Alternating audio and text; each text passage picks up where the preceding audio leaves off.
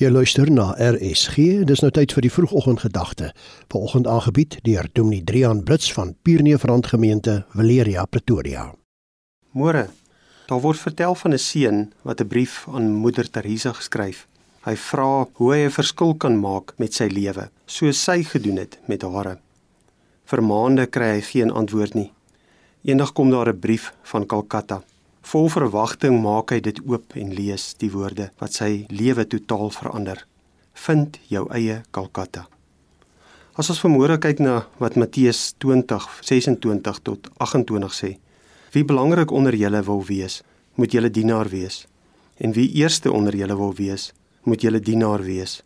Net so het die seun van die mens nie gekom om gedien te word nie, maar om te dien en sy lewe as losprys vir baie te gee. Hier word baie belangrike Christen eienskap uitgelig om te dien, om 'n dienaar te wees. Baie moeilik in 'n wêreld waar elkeen net vir homself en hulle eie verheerliking leef. Om te dien is om van nut te wees. Met ander woorde nuttig te wees. Om ander te kan dien is die grootste bewys van ons eie verhouding met Christus. Christus het gekom om te dien en was en is ons voorbeeld van hoe om te dien. Christus deur sy diens het hy elkeen van ons die heelal met God versoen. Ons ontvang die gawe van sy losprys wat hy betaal het. Hy betaal om ons, sy skepping wat aan hom behoort, terug te koop. Is jy iemand wat graag dien of iemand wat gedien wil word?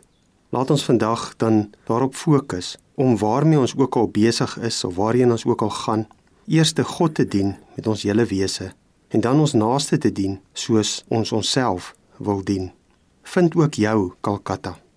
Kom ons bid saam. Dankie Here dat U ons dienaar is.